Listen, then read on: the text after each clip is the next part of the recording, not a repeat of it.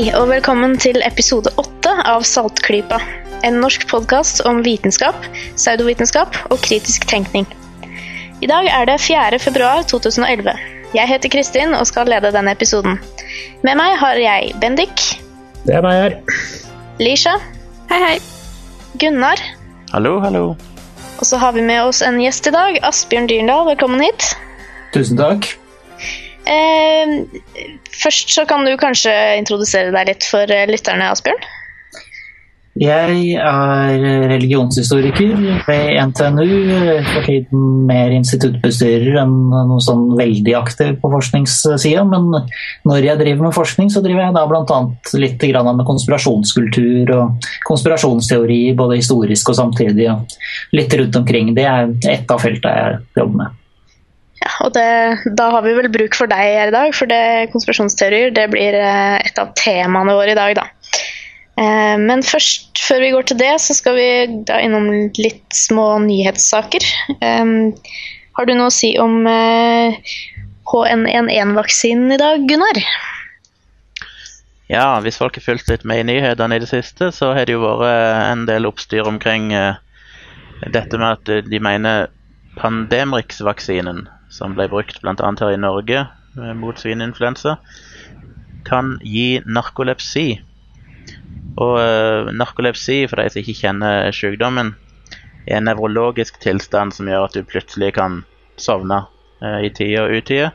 Eller du er påtrengende søvnig på dagtid. Du kan lide av en del søvnparalyse og til og med hallusinasjoner.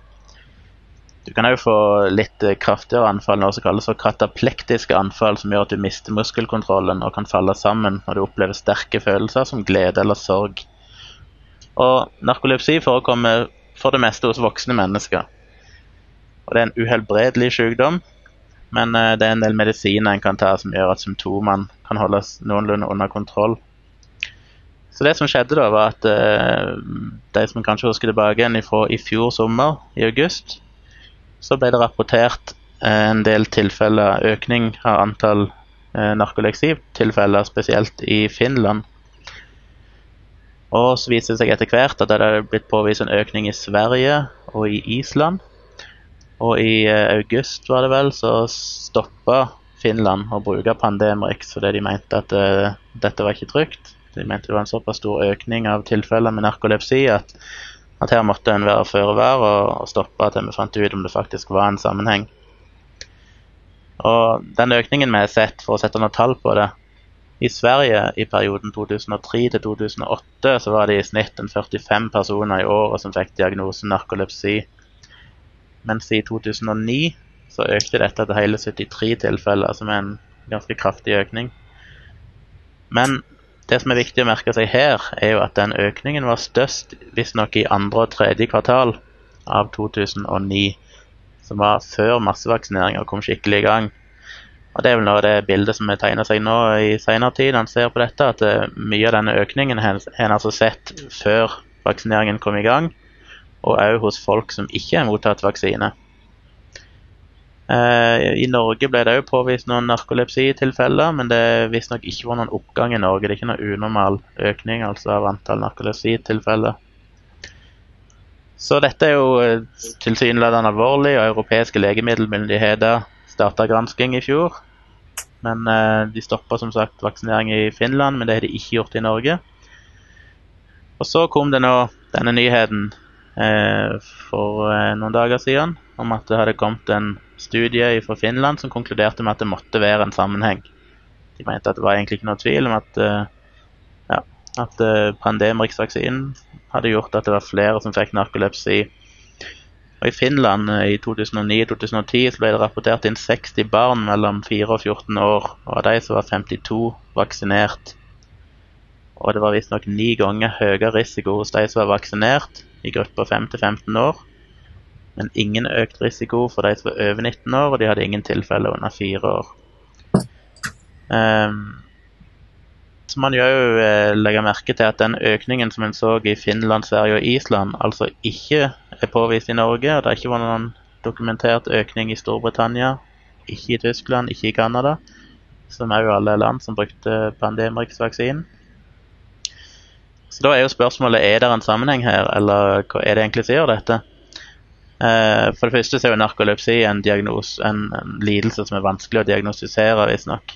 Det kan nok minne litt om ADHD, at det er ganske stor uenighet om diagnosekriterier. Det er ganske stor variasjon i symptomene. Eh, så her er det jo litt usikkerhet i det hele tatt, men det er en del tilfeller som altså er, de mener har påvist at her er det narkolepsi, selv om det ofte kan ta flere år å utrede den diagnosen. Men her er de på ganske kort tid, altså mener de å kunne si at her er det en økning i antall tilfeller. Så er det jo noe som kan gjøre dette Jeg har lest litt rundt forbi og prøvd å finne litt forskjellige hypoteser. Jeg ser én hypotese er jo selvfølgelig at kanskje vaksinen bare gir narkolepsi hos enkelte befolkningsgrupper som har et spesielt gen. F.eks. at folk i Finland kan ha en, eh, en fellesnevner genetisk som en ikke finner f.eks. i Norge og enkelte andre land. Og at vaksinen da kun trigger narkolepsi hos de som har dette genet. Eller det kan være at det er én eller flere årsaker som gir narkolepsi, der de som er vaksinert, eller vaksinen er en fellesnevner i de som er blitt syke, men det er ikke nødvendigvis årsaken til at de er blitt syke. Det er vanskelig å kontrollere for. Så foreløpig vet vi ikke, men det er blitt slått kraftig opp om at uh, Pandemrix-vaksinen definitivt gir narkolepsi, og det vet vi jo foreløpig ikke. Da Dette er en ganske foreløpig studie, og det er mye som tyder på at det kanskje ikke er noen direkte sammenheng. Allikevel så merka jeg meg at VG kjørte et par reportasjer nå i, i nyere tid der de bl.a. fulgte en uh, familie som mente at hele familien hadde blitt syke og fått narkolepsi. Uh, og Da syns jeg det er litt morsomt å se at de bl.a. hadde, den familien hadde fått kontakt med en lege som heter Geir Flatabø, som er en uh, vaksinekritiker. Og han kommer jo da med følgende uttalelse.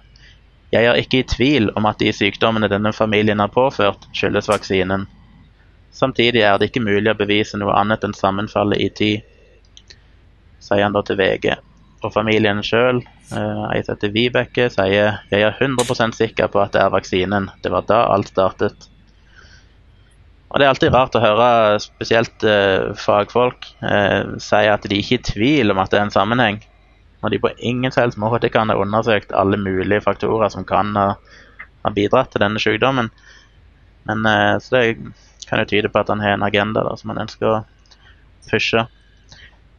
Eh, ellers er dette jo et veldig typisk eksempel, sånn som Vibeke uttaler at jeg er 100 sikker på at det var vaksinen. Det var da alt startet. Altså eh, correlation does not imply causation, heter det vel, noe i den duren.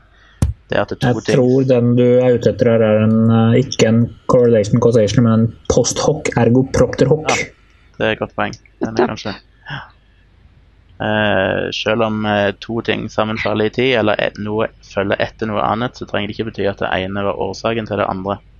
Uh, dette er jo et klassisk eksempel på det. Så det, det, var litt om narkolepsi og Pandemrix i denne omgangen. Så blir det jo spennende å se når videre studier blir utført, om en da finner en faktisk sammenheng i framtida, eller om det viser seg å, ja, å bare ha vært en hypotese som ble falsifisert med tida. Ja, det blir veldig spennende å følge med på. Men uh, sånne som oss, vil, vi vil jo selvfølgelig gjøre alt i vår makt for å hindre sannheten og nå overflaten, ikke sant? Det er jo hele målet vårt. Ja. Eh, det var da altså sarkasme, og takk til Gunnar for den nyheten. Eh, jeg skal si litt Jeg er på sin plass med litt astronominyheter igjen. Eh, og Kepler-satellitten kan NASA fortelle at det har gjort noen massive funn denne uken her. og Kepler den stirrer på et kjempestort felt med stjerner. tilsvarende Hvis du setter stjernebildet Karlsvogna to, to, ganger ved siden av hverandre. Så det er et ganske stort område på himmelen. Eh, og eh, den skal studere mer enn 100 000 av stjernene i dette området her til å eh, finne kandidater til jordlignende planeter. Så det er litt spennende. For det man kan jo lure på, er, er Melkeveien inneholder Melkeveien andre planeter som er på størrelse med jorden? Eh, og er de sjeldne, eller er de vanlige? Og dette vil jeg da finne svar på. Eh, så denne uken her har vi gått fra 0 til 68 jorde, eh, planeter på størrelse med jorden. Eh, kandidater til dem, i hvert fall. Og 54 av disse er faktisk i eh, en sone rundt stjernen sin som, hvor flytende vann faktisk kan eksistere. Og ifølge mm, disse NASA-menneskene så er til og med noen av dem i stand til å ha måner rundt seg som kan ha flytende vann. Det er litt morsomt. Og fem av eh, kandidatene så nå leser jeg litt her, fem av eh, planetkandidatene er både nær jordens størrelse og eh, går i bane rundt eh, stjernen sin i en, denne sonen, som er såkalt beboelig. Og så langt så har det da blitt funnet eh, over 1200 planetkandidater. og Det, er, det syns jeg er ganske mye siden den ble, ble skutt opp. Eh, og sjansen for å da finne en eh, kandidat som er lik jorden i størrelse og plassering, den øker jo hele tiden. Og en som eh, selvfølgelig har latt seg oppvise av dette, er jo eh, vår alles kjære Phil Plate, The Bad Astronomer. Og han gjorde et beskjedent estimat på bloggen sin, som vi kan linke til på, i notatene. Han fant ut at det, hvis, hvis det fortsetter sånn som det gjør nå, eh, i det tempoet vi oppdager nye planeter, så kan det finnes så mange som en million jordlignende planeter bare i Melkeveien. Eh, Så det, Kepler vil da fortsette å gjøre sånne stirre på disse 100 000 stjernene da, eh, helt til i hvert fall november 2012. Eh, se, finne, jeg er sikker på at man vil finne ganske mange flere slike jordlignende planeter, så det er ganske morsomt. Måten den skal finne dem på, er jo det um, den ser på små dypp i eh, lyskurvene til stjernene, altså mengden lys som stjernene sender ut mot detektorene. Eh, periodiske dypp, sånn at de kan se at det er en planet som formørker. Og eh, da kan det Man regner med at det da tar ca. tre år å finne og verifisere sånne planeter da, som, som ser, ser ut som jorden som går rundt solen. Så det er veldig morsomt. Uh, så det var en liten, liten astronyhet. Uh, vi kan uh, vi kan minne om at vi setter stor pris på at dere tar kontakt med oss og gir oss positive og negative tilbakemeldinger og innspill til nyheter og saker. Og dere kan til og med legge igjen talebeskjed på Skype. Og info om alt det her finner du selvfølgelig på saltklypa.no. Yes, det var det. Vi hopper direkte videre over til vår, vårt innslag denne uken her, som da er om konspirasjonsteorier. Og Bendik kan jo få lov til å innlede dette. La oss eh, bare begynne så enkelt eh, med å spørre uh, Asbjørn. Hva gjør vi med en konspirasjonsteori? Hva, hva er en konspirasjonsteori, først og fremst? For alle våre nye lyttere. Det kommer litt an på hva slags typer eh, hensikter du har med å bruke sånne ord. Konspirasjonsteori som vi vet et ord, og ord kan vi bruke på veldig mange forskjellige måter. Men eh, når jeg bruker konspirasjonsteori, så prøver jeg å, som et begrep som skal takle et eller annet, så prøver jeg å unngå de her eh, altfor eh, enkle variantene som ikke gjør uh, skille på uh, Nokas-gjengen og den type teorier vi stort sett er interessert i å snakke om når vi snakker om konspirasjonsteorier. Så når jeg snakker om konspirasjonsteorier, uh, så snakker jeg stort sett om ulike varianter av det som i andre sammenhenger blir kalt for grand conspiracy, altså litt sånn grandiose teorier om skjulte sammenhenger i verden, og som er basert på store deler misrepresentasjon av fakta, dårlig logikk, pseudovitenskap og en del andre sånne ting. Og som Ja. fungerer som en forklaring på hvorfor, eh, hvorfor fæle ting skjer for eh, snille mennesker. Ja, som du nevnte, bare for å få lagt den eh, forskjellen klar. Det, selv om Nokas absolutt var en konspirasjon, det var en gjeng med folk som konspirerte til og hadde en plan om å rane Nokas, så er det ikke det vi prater om eh, her nå. Selv om fra en bokstavelig synspunkt så kan man bruke det. Men eh, i våre øyne, når vi prater om konspirasjonsteorier, så prater vi f.eks. om uh, om 11.9 var en innsidejobb, eller om eh, alle våre ledere egentlig eh, samler seg sammen eh, i hemmelighet for å styre oss etter at de har dumpet hjernekontrollerende midler ute i drikkevannet vårt. Ja, ikke andre... våre ledere sånn som vi tror er våre ledere, selvfølgelig, men de som egentlig er våre ledere. Ja, bare bruker de som later som de er våre ledere, som osv. Vår, våre ledere er jo sannsynlig, eller selv, selvfølgelig bare dokker. Mens det i virkeligheten er uh, sannsynligvis jødene som styrer alt sammen. Ja, eller romøglene, hvis det er forskjell på dem. Jødiske romøgler. Mm. Jødiske romøgler uh, styrer sannsynligvis hele verden. Dere hørte det her først. Eller som en av mine amerikanske kolleger uh, kalte et kapittel en gang. Killer Vampires from Outer Space. Høres like plausibelt ut som alt annet, egentlig. Jeg vil påpeke det du sa, Bendik, at man hørte det sannsynligvis ikke her først. ikke noe av det vi sier her, hører man sannsynligvis her først. Nei. For det er vel også et godt poeng at uh, det er vel snart ikke noe mer nytt man kan finne på. Alt mulig er vel nesten nesten tenkt ut når det gjelder sånne ville konspirasjonsteorier. Det er det, og det er en veldig interessant ting når du sitter og går gjennom de her de sammensatte konspirasjonsteoriene som er de moderne bestselgerne innenfor bransjen. Så eh, er det kollasjer av andres allerede publiserte konspirasjonsteorier. Det er nyhetene som kommer inn i det hele tatt, de kommer inn gjennom såkalte event conspiracies, altså sånn med utgangspunkt i 11. september eller prinsesse Dianas død eller et eller annet. Men før du vet ordet av det, når det blir spist opp av disse her store grand conspiracy-teoriene, så eh, er det tilbake igjen til Illuminati og tilbake igjen til klassiske forfattere fra tidlig 1900-tall og eh, nye klassikere fra 50-tallet osv. som lager kontinuitet i det, og så bare plukker og limer. I tillegg så henter du da klassisk sånn fra kultarkeologi og eh, fantasifull astronomi og i det hele tatt alt mulig rart. Sånn at det er som å lese en sånn der samlekatalog av pseudovitenskap ofte.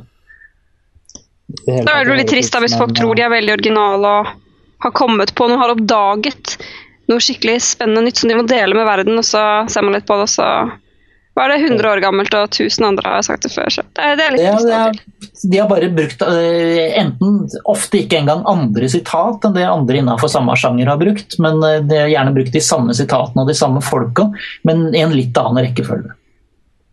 Dette høres uh, mye ut som en eh, Dan Brown-roman, faktisk. Han uh, har jo friket ut, uh, eller brukt mye eksisterende konspirasjonsteorier i sine romaner.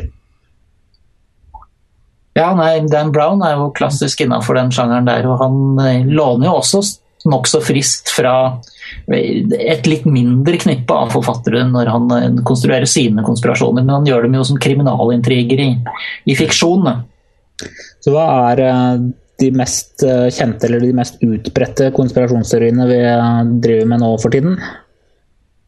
Nei, Det kommer litt an på hvor i landskapet du vil kikke hen. Noe av det mest gjennomgående i konspirasjonskulturen det er ulike varianter av teorier om hvordan de andre, hvem nå de er i denne sammenhengen, kontrollerer vår evne til å ta initiativ og gjøre noe med verden rundt oss. Eh, altså det er vi utenforstående som ikke er med i konspirasjonen. Det er alltid sånn at du deler eh, mellom de gode og de onde. Og de onde det er de som vet ting og som er flinke til å gjøre ting. Og de gode det er de som må lære seg ting og som eh, har fått sin evne til å utføre ting eh, dempa. Sånn at det er på en måte den eh, en av de mest sånn gjennomgående og vesentlige konspirasjonstematikkene som du ser nå. Hvis vi ser på dette her fra en uh, historisk perspektiv, uh, hvordan uh, har konspirasjonsteorien, eller for eksempel, omfanget av konspirasjonsteorier, endret seg f.eks. på de siste 100 år? Over de siste 100 åra så, så, har vi vel fått et tilfang av nye konspirasjonstema, først og fremst. Eh, det vil si at mange av konspirasjonsteorier er for det første ikke noe nytt. Vi har hatt det, det er noe mennesker har konstruert veldig lenge, og stort sett i alle typer samfunn. Men hvis vi ser på endringen i temaet, så ser vi da at jødene er på vei ut i Europa, pussig nok. Det var en eller annen liten hendelse i, i Europa sånn på midten av 2000-tallet, som eh, av det 20. århundre, som eh, førte til at det kanskje ikke var fullt så pop lenger. Flytta seg til andre deler av verden isteden. Eh, rombrødre og ufoer og myndigheters forhold til teknologi og utenomjordisk liv og den type ting har kommet inn. Og så har vi diverse andre sånne ting som har eh, skjedd. Men hvis vi ser på omfanget, så varierer det både fra tid til tid på samme sted og fra sted til sted over tid. Eh, og det henger jo da som regel sammen med ulike former for gode, kule hendelser å lage spenningsfortellinger rundt, for det er jo det konspirasjonsserier også er. Og litt om sosiale vilkår for at dette skal kunne spre seg. Riktig. Hvis vi ser litt på uh, psykologien bak dette her for Vi har fått et spørsmål fra en lytter som ønsker at jeg skal stille dette spørsmålet og ta det opp. Og Hun viste spesielt til f.eks. Nyhetsspeilet. Mm. Og, og, Det en ofte ser, er at det er en slags rød tråd. Folk som er skeptiske til vaksine, folk som er veldig for homopati og alternativ behandling, veldig ofte òg har en veldig dragning mot konspirasjonsteorier og tror at 9-11 var en innsidejobb osv. Mm. Hva er det som gjør at det er en sånn fellesnevner? Altså, hvorfor, eh, ja, hvorfor, finner vi de samme trendene der eh, hos de samme folkene? Det er flere forskjellige mulige årsaker til at du finner det der som, som et cluster, og noe av det handler om kultur. Og noe av det handler om en intern logikk i et tankesett. Det er det som da i skeptikersammenhenger ofte kalles for crank magnetism, altså sånn gærningmagnetisme. Hvis du først tror på én sprø teori, så for å begrunne for deg sjøl hvordan du kan tro på den når eh, det er så mye som taler imot den, så er konspirasjonsteoriene veldig nært. Hvis du først tror på én sånn sprø ting eh, eller to sånne sprø ting, så, så ligger de andre tingene nokså nok så nære. Og de kan avledes delvis logisk av hverandre ved hjelp av konspirasjonsteori som virkemiddel. Skal jeg forklare hvordan det, det skjer? Det Veldig gjerne. Ja, fordi eh, Hvis du tenker deg da at vi, eh, vi kunne aldri ha oppfunnet en datamaskin uten hjelp av utenomjordiske, eh, og at det derfor er et, at vi har datamaskiner, tyder på at vi har kontakt med utenomjordisk liv. Men det er det jo ikke noe annet som viser. Ja, nei, Da må det selvfølgelig være fordi myndighetene holder det skjult. Og Hvis myndighetene holder det skjult, hva annet kan de ikke også holde skjult? Og Hvis du først tror på utenomjordiske som gir datamaskiner og teknologi, så har du mange muligheter for å gå videre i, i, andre retninger. Hvem andre er det? Altså, Hva slags mennesker er det du da omgås? Hva slags eh, logiske mønstre er det du faller inn i? Myndighetene holder ting skjult for deg. Går du veldig fort videre og eh, etablerer en eh, generelt kritisk innstilling til alt som kommer fra eh, eksperter som sier at du tar feil, f.eks. For eksempel, fordi du vet at du har rett. Og selve det at de da sier at noe er galt, tyder jo på at de prøver å holde ting skjult for noen. Og det at de sier at ting, galt, at ting er galt, det kan jo da bety at nettopp det kan være veldig interessant og kanskje riktig. Snarere enn å være en indikasjon på at noe faktisk er galt, så blir det en veldig sterk indikasjon på at det er riktig isteden. Og dermed så får du crank magnetism.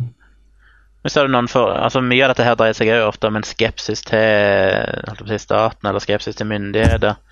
Mm. Er det noen, er det noen, kan en se noen mønster i forhold til forskjellige land og forskjellige ja, i, i forhold til å si hvilken politisk styreform osv. det er i forskjellige land, i, for, i hvor stor grad konspirasjonsteorier eh, brer seg ut i de landene? Det er mulig at man har kunnet gjøre mye av det før internett. Men da har vi ikke gjort de undersøkelsene så innmari godt.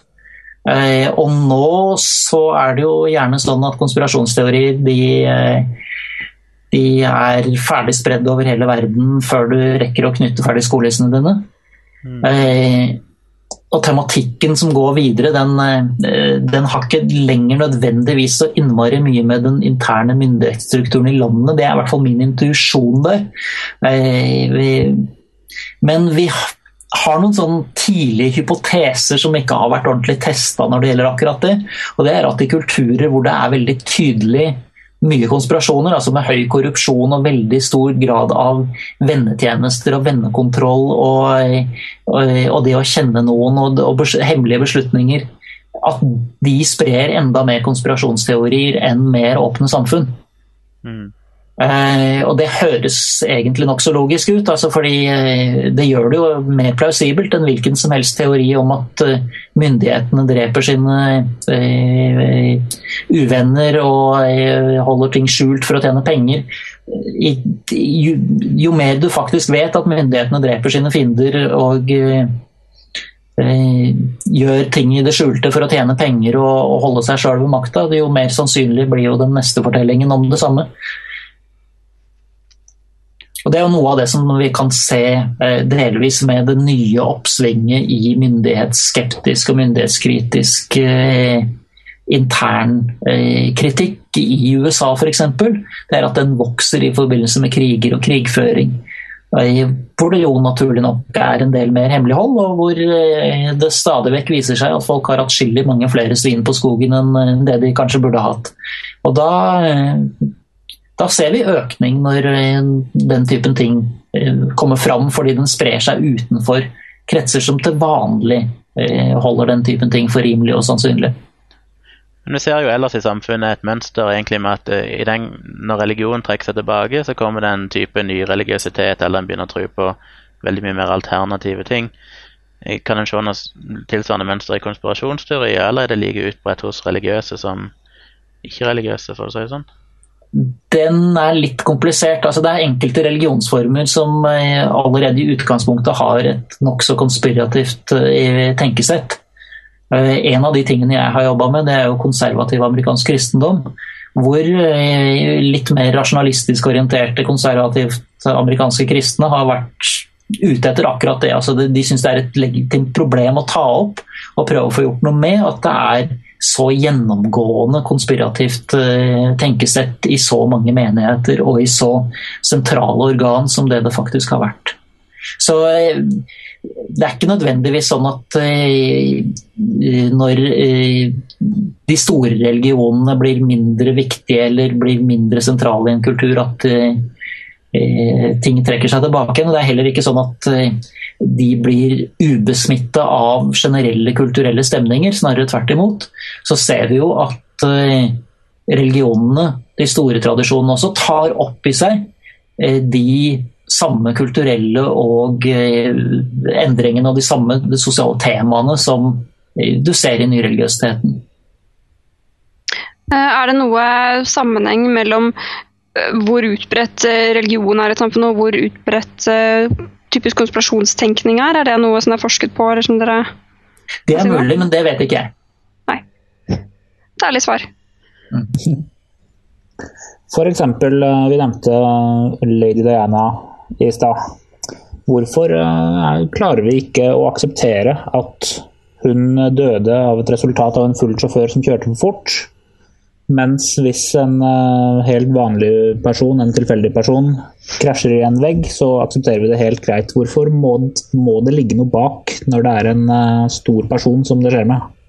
Ja, det, Der er du jo inne på en uh, veldig kjent hypotese når det gjelder dette her med, med store personers død. Altså, det er jo en av mine favoritttyper konspirasjonsteorier. Det er mysteriet med den døde kjendisen og hvorfor vi ikke kan akseptere det.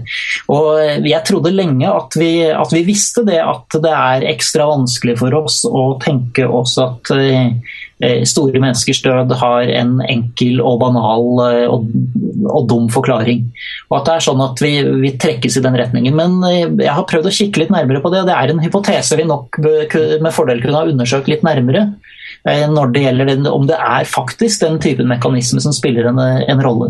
Men en av de tingene som i hvert fall skjer når store personer dør på den måten, det er at det er fryktelig mange flere som er interessert i årsakene.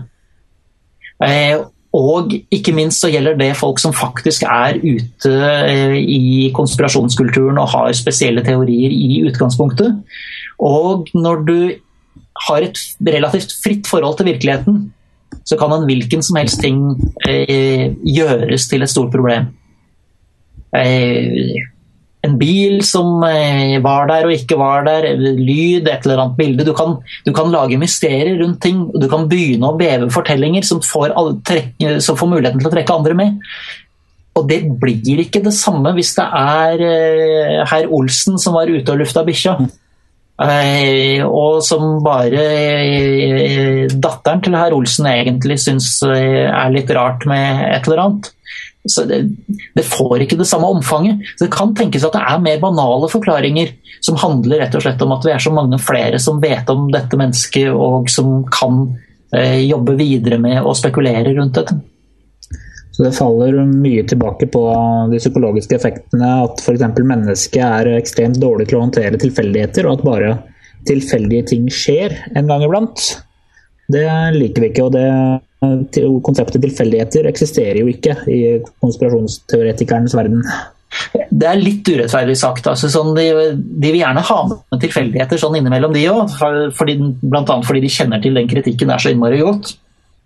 Men de vil bare ikke akseptere tilfeldigheter når det er ting som virkelig teller. Okay. Det kan virke tilfeldig, men eh, er det virkelig sånn? Altså, sånn, sånn der type jeg bare stiller spørsmålet eh, eh, Ting som dukker opp i sånne sammenhenger. Og det typiske det er jo da i den sammenhengen at du får den motsatte stråmannen. At eh, de som er tvilende til deres konspirasjonsteori, de fornekter alle eh, sammenhenger eh, og vil gjøre alt til tilfeldigheter. Men eh, det er litt grann som eh, skremmebilde eller juksebilde av evolusjonsteori. Det er liksom ikke helt så enkelt. Eh, verken den ene veien eller den andre veien. Det er, det er tilfeldigheter. De bare teller ikke når det kommer til stykket. Ja, riktig. De fleste, eller veldig mange konspirasjonsteorier må jo gå veldig dypt og ha veldig stort omfang. F.eks. Eh, hvis man tenker på at månelandingen eh, ble, falsk, ble faket, så har vel det involvert noe rundt en halv million mennesker på alle nivåer. Og det er da veldig mange folk som må klare å holde munnen sin eh, lukket om, om, sannheten. Og at uh, ikke noen av dem hittil har kommet fram på dødsleiet og sagt dette her er hva som faktisk skjedde. Mm. Så men allikevel så vedvarer myten i, i disse sirklene. Ja, nei, det er, det er En god fortelling kan ikke fortelles for ofte. og eh, Hvis du noen gang har diskutert med en kreasjonist, så vet du sånn omtrent hva du får opp neste gang du snakker med en kreasjonist. Og Det er noe av det som da dukker opp på, på samme måten eh, igjen med konspirasjonsteorier. at eh, det at du har debunka det én gang, betyr ikke at nestemann i det hele tatt bryr seg om den debunkingen eller har sett den før. eller i det hele tatt. Sånn at du, du, gjentar og gjentar og gjentar det samme til, til miljøer som ikke egentlig er interessert i å lytte. Venner. Synes du kanskje at uh, konspiratorisk tenkning uh, kan regnes som en psykologisk eller eh, psykiatrisk eh, problem? At eh, vi kan få psykologer til å begynne å stille det som en diagnose? Nei, det er et symptom som kan være symptom på noe annet enn at man tilhører en subkultur som er veldig mistenksomme mot et eller annet spesielt, eller at man tilhører en politisk retning som er veldig skeptisk og kritisk til én type ting. Men det kan også være symptom på noe underliggende eh, psykiatrisk. og Det handler vel da først og fremst om en, noe man må undersøke empirisk, om det gjelder for en enkeltperson. og Da er det gjerne andre ting som skal være med også, før det begynner å bli patologisk.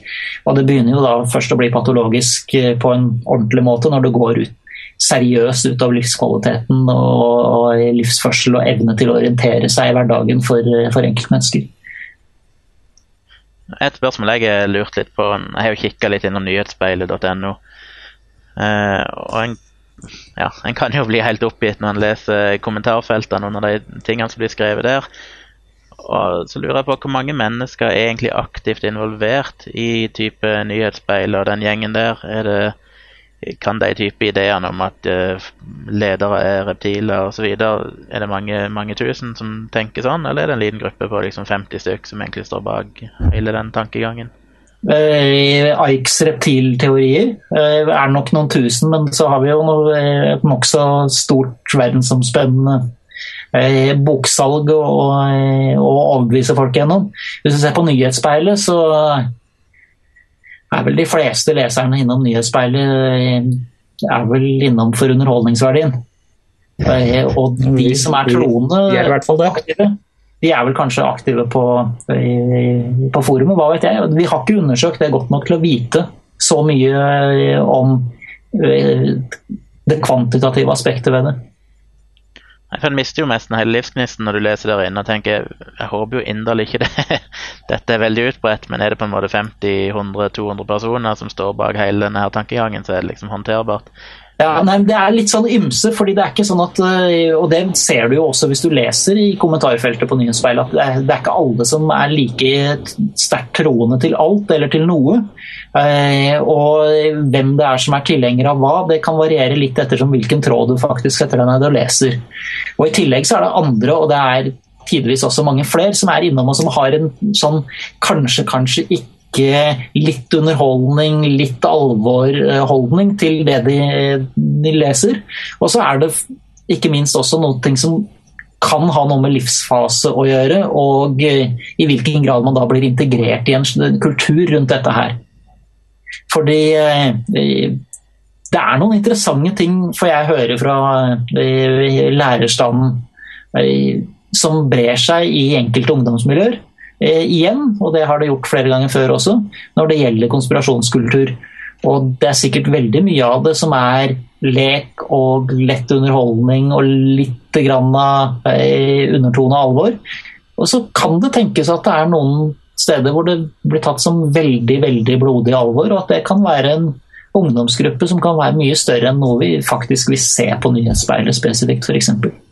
Men det vet vi som sagt ikke så mye om. Det skulle vi veldig gjerne ha undersøkt nærmere. Har du noen eh, eksempler på um, noen steder hvor konspirasjonsteorien uh, har hatt rett? Og da tenker jeg selvsagt på de uh, store konspirasjonsteoriene som vi diskuterer, og ikke de små som nevnt tidligere. Nei, altså, Som jeg pleier å si når jeg får det spørsmålet Hvis jeg nå får lov til å holde meg til den typen konspirasjonsteoridefinisjon som det jeg har gjort altså Det skal være grandiost, det skal være fullt av feilslutninger og eh, pseudovitenskap og den type ting, så er, sier det seg sjøl at nei, det er ikke det. Sånn at det, det, ligger allerede i utvalget i utgangspunktet. Der hvor du kan få rett med enkelte typer eh, teorier om sammensvergelse, det er jo gjerne i hendelseskonspirasjonsteorier. Teorier om f.eks. politiske mord, om prissamarbeid og eh, om juks og sammensvergelse for å holde dårlige data i eh, legemiddelforskning f.eks. skjult. En masse andre sånne ting. Fordi det er jo smekkfullt av folk som sammensverger seg og som hemmeligholder og som prøver å dekke sine spor og i det hele tatt eh, gjør det meste som passer til konspirasjoner. Men på den store, grandiose skalaen så er de, de som gjør den typen ting der, det er vel mer når du får eh, konspirasjonsparanoikerne i, eh, i, i, maktposisjon. Når du får eh, folk som tror at jødene står bak om alt som er ondt i verden, så la oss for all del få alle sammen. Eller det er det fryktelige borgerskapet som holder på å ødelegge verden gjennom en sammensvergelse mot den sovjetiske revolusjon. La oss få alle i partiet som, og i fabrikkene som ødelegger for Eh, produksjonsmålene eh, som Stalin har satt. La oss få dem henrettet. Det er da du får de konspirasjonene som virkelig tar av. Hva slags eh, argumenter kan vi som anser oss selv som rasjonelle, og som regel anser oss selv til å ha rett, kan vi bruke mot konspirasjonsteoriene? Som oftest så kan jo de kontre de fleste av våre påstander med at enten vi er en del av konspirasjonen selv, eller at de vi fikk våre kilder fra, de er en del av konspirasjonen. Jeg har en venn en, som har eh, flydilla og påstår hardnakket at hva enn det var som krasjet inn i eh, Pentagon på 11.9, absolutt ikke var et fly. Men jeg klarer ikke komme så langt mot ham eh, selv, fordi de fleste av mine argumenter kan han bare kontre med at det er en dekkoperasjon. Ja, det, er klart det er en trumf du alltid kan spille. Jeg har diskutert av og til med konspirasjonsteoretikere noen år, men eh, det er vel nokså lenge siden jeg kom til den konklusjonen at eh, det beste er å egentlig ikke argumentere mot. Man bare holde seg igjen for å la være. Det er bare å, stille spørsmålet hvorfor tror du det? Hvordan, hvordan, har du testet det? Hvordan vet du det? Hvordan henger det sammen med det? Altså sånn, utfordre sammenhengen i tenkningen, utfordre grunnlaget for teoriene eh, osv. Så, så prøve å um, få de til å måtte argumentere for uh, sin posisjon, i stedet for at uh, de stiller påstanden og vi uh, svarer. Ja, det er vel nokså mye bedre da å innta den klassiske eh, skeptikerposisjonen, nemlig at det er den som fremmer en påstand som har krav på seg til å dokumentere påstandens korrekthet. Det øyeblikket du begynner å argumentere mot med 'jammen', eh, data viser at, så, eh, så, er du inne på en helt annen type fellesbelegg. og det er en samtale hvor det er, lett å, eh, det er lettere for konspirasjonsteoretikeren da, å gjemme bort det faktum at han eh, fornekter en kildes verdi det øyeblikk den taler ham imot, men gjerne bruker den når det finnes en, en, detalj han kan bruke til noe. For Det er også en sånn klassisk ting du ser i konspirasjonsteorier. Eh, det er jo nettopp det at det finnes ikke noe sammenheng. Det er ikke noe ordentlig intern logikk. Den er, den viktige kilden til påstand X i konspirasjonsteorien, den, eh, den, blir da fullstendig nedsablet som uvesentlig, uviktig eller som en forfalskning når den strider imot påstand Z. Eh, hvis du sitter midt oppi en diskusjon om alt mulig rart, eh, hvor du stadig vekk blir påstått å skulle bevise de tingene du holder på med, så har du tilbøyelighet til å glemme den biten og så si at ja, men vent litt, den kilden du påberoper deg nå, var ikke det den du i stad sa var fullstendig verdiløs fordi den var bare oppdikta av myndighetene? Riktig. Så snu, det, snu, argumentet tilbake mot det, eller de, de, som skal eh, komme med sine argumenter. La dem bare legge fram, og så still de kritiske spørsmålene underveis. Så, så er det selvfølgelig da den kjedelige tingen med konspirasjonsteori, det er eh, vit hva dere snakker om.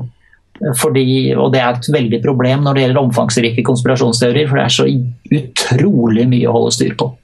Og gode, virkelig fanatisk opptatte konspirasjonsteoretikere de er sånn da, altså, oppdiktede faktanerder i endte potens. Altså de, de, har en påstandsrekke på fingerspissene, men du kan ikke stole på at den eneste en av dem er riktig i noen vesentlig detalj. De kan være alt fra 100% korrekte til fullstendig oppdikta.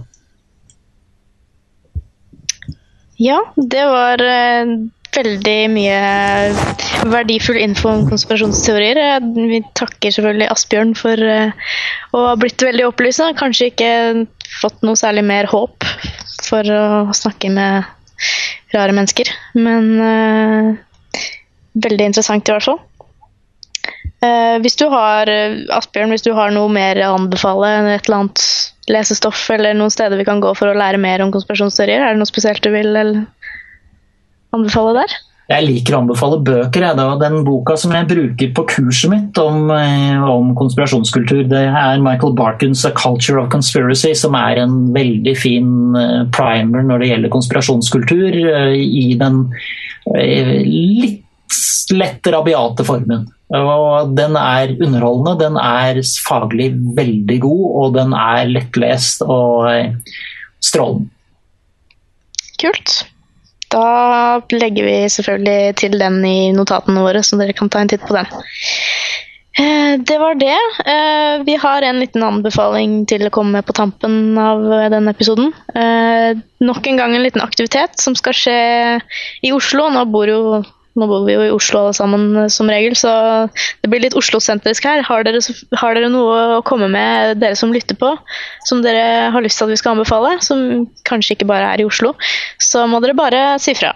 Eh, denne gangen er det skeptikere på puben igjen som eh, skal ha en liten konsert den 16. februar, og da får vi besøk av selveste eh, erkeskeptikermusikanten George Robb. Eh, han er en veldig festlig fyr. Um, han har eh, også en egen podkast som han har holdt på med i relativt lenge nå. Over 200 episoder, så vidt jeg vet. Han skal ha en liten England, Irland slash Skandinavia-turné eh, nå i forbindelse med at han skulle besøke Finland og besøke en heldig fyr som hadde vunnet en konkurranse. Så det gleder vi oss til, og det skal skje eh, 16.2 på klubbscenen på Chateau Neuf. Eh, det linker vi selvfølgelig også til i så da må dere komme og heie og synge med og danse. Eh, det blir kjempegøy. Yes, eh, det var vel egentlig det vi hadde i denne episoden. Eh, Da gjenstår det bare å takke for oss og Jeg har at et spørsmål Ja, ja har du et spørsmål? til, eh, til eh, alle sammen her. Ja. Jeg har eh, lyst til å vite hvor mange personer her som ble kastet ut av et apotek denne uken her. Eh, jeg ble kastet ut av ett her om dagen, siden du spør. Så tilfeldig. Ja, Jeg ble ikke, selv ble jeg ikke kastet ut, men jeg fikk veldig mange forvirrede blikk. ja riktig. Ja, dette er jo selvfølgelig i sammenheng med vår anskaffelse av homopatiske sukkerpiller til overdosen, som eh, når denne episoden spilles inn, skal skje i morgen. Um, jeg kan kanskje samtidig benytte anledningen til å si takk og farvel i tilfelle det skulle skje noe med meg i morgen under overdosen. Men det kan, hende dette er, det kan hende dette er min siste episode. Ja, det har vært hyggelig å ha deg med, i hvert fall. Ja, det har vært kjempegøy. Eh, og hva, hva gjør man ikke for den gode sak, osv. Ja, nei, vi, vi skal ta overdose i morgen, så da ses vi eh, i himmelen, vel? Ja, det kan jo diskuteres. Det er et gode spørsmål. Eh, så da eh, ses i hvert fall noen av oss i neste episode. Eh, og den skal handles, handle litt om helse og helsesvindel, kan ikke det? Tror det blir gøy. Mhm. Da får vi enda en spennende gjest. Da kommer Yeah. selveste Pernille Nylén og skal delta og snakke litt om eh, både MMS og kanskje litt syrebase og eh, blodanalyse og mye spennende helsesvindel som foregår i disse dager. Og bloggen til Pippi har vi jo anbefalt før her, så det blir gøy. Mm. Mm. Det Da, ja. Hvis ingen har noe mer da, så tror jeg vi skal si takk og farvel, og takk igjen til Asbjørn. Og da ses vi neste gang. Ha det! Ha det! Ha det godt. Ha det. Ha det.